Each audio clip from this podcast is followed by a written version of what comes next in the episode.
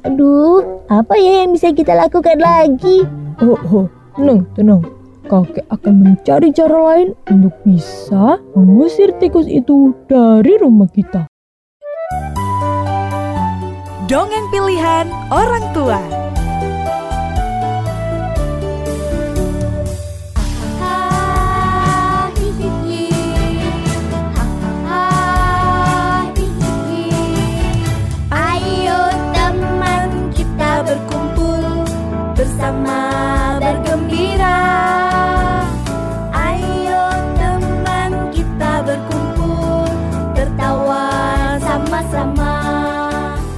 Episode ini merupakan kerjasama Sonora Surabaya dengan Kumpul Dongeng Surabaya.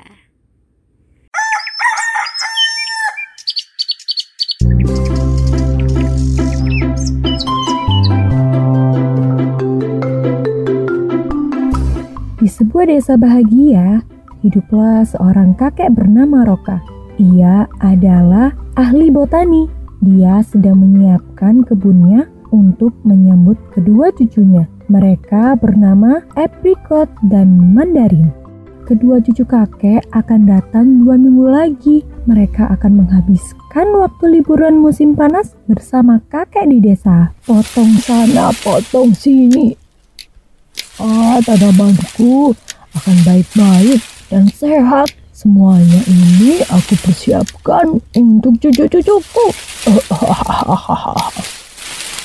Tiba-tiba, malam menjelang,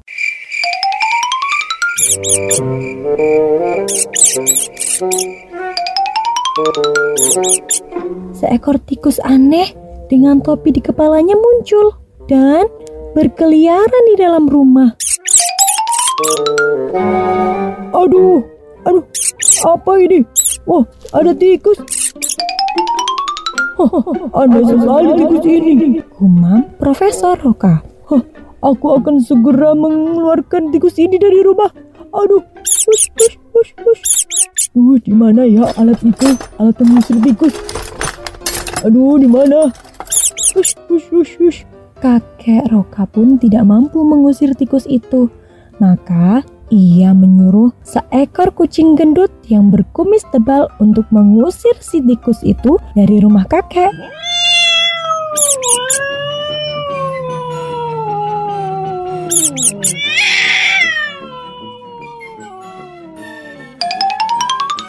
Kucing itu berlari mengejar tikus namun karena kelincahan tikus itu sangat tinggi, akhirnya kucing pun tak mampu untuk mengejar.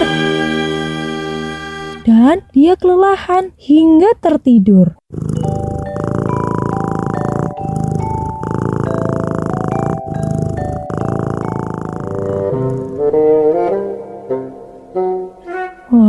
Sayang sekali si kucing itu gagal untuk mengejar tikus. Si tikus tetap tinggal di rumah dan tetap berkeliaran setiap hari. Kakek Roka pun tak tahu harus bagaimana. Aduh, apa yang harus aku lakukan? Dia khawatir kalau tikus itu akan mengganggu cucu-cucunya yang akan datang.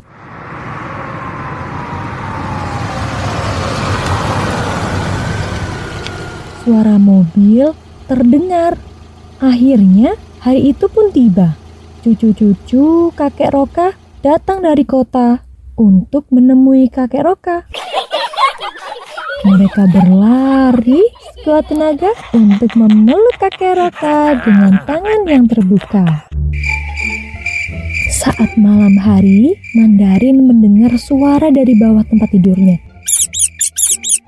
Dia merasa ketakutan dan berkata, Aprikot, bisakah kamu melihat suara apa itu? Aku takut sekali. Aku benar-benar merasa takut.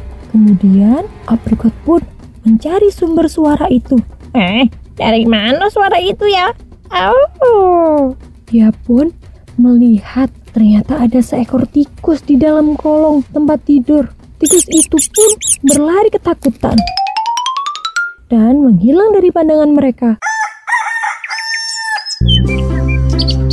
Keesokan paginya, Profesor, kakek Roka memasang jebakan tikus.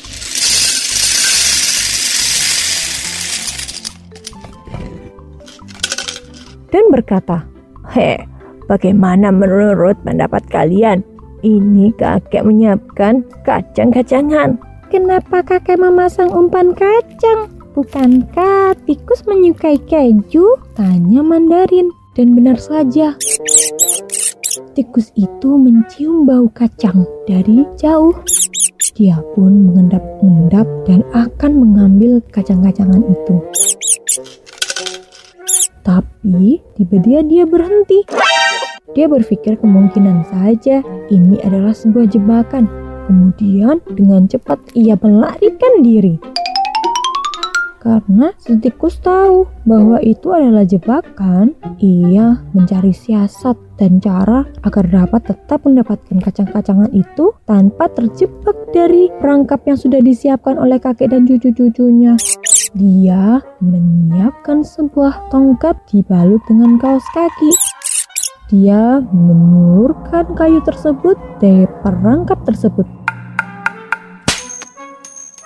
Dan perangkap itu pun menangkap kayu dan kaos kaki. Si tikus bertopi ini pun dengan aman bisa mengambil kacang-kacang yang ia sukai.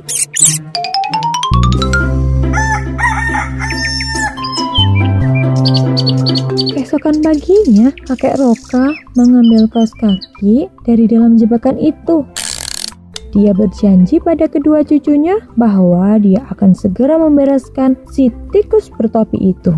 Wah, kakek tikusnya lebih pintar dan lebih cerdik. Iya kakek. Aduh, bagaimana ini? Kata aprikot dan mandarin. Kakek Roka pun memutuskan untuk mulai berperang dengan si tikus bertopi itu. Karena dia sudah tidak tahan lagi dengan apa yang terjadi. Dia merasa bahwa dia adalah seorang bertara di medan perang. Kakek Roka tidak mau kehilangan kaos kakinya lagi. Kakek dan kedua cucunya pun mengenakan helm perang dan mempersiapkan amunisi untuk menyerang tikus itu. Heh, tikus itu benci dengan bau permen. Dan kita akan membuat bom serta semprotan dari bahan permen. Kita pasti akan bisa mengusirnya. Mereka pun menyiapkan bahan-bahannya. Dan juga mereka mengumpulkan bebatuan untuk mengusir tikus itu. Si tikus itu pun mengenakan masker pelindung dan mencuri kaos kaki aprikot. Kaos kaki itu dipakainya oleh tikus di kepalanya sebagai topi. Ternyata tikus ini bisa menghindari bau-bau permen. Ya, bagaimana? Kata Mandarin. Iya kakek, bagaimana ini? Aduh, apa ya yang bisa kita lakukan lagi? Oh, oh, tenang, tenang. Kakek akan mencari cara lain untuk bisa mengusir tikus itu dari rumah kita. Kakek akan menyiapkan sesuatu hal yang besar dan ini pasti akan menghilangkan tikus bertopi itu dari rumah kita. Kakek pun menyibukkan diri di dalam gudang. Tungguin cerita selengkapnya di minggu depan ya. Hai teman-teman, terima kasih sudah mendengarkan dongeng pilihan orang tua. Sampai berjumpa di dongeng berikutnya ya teman-teman. Dadah!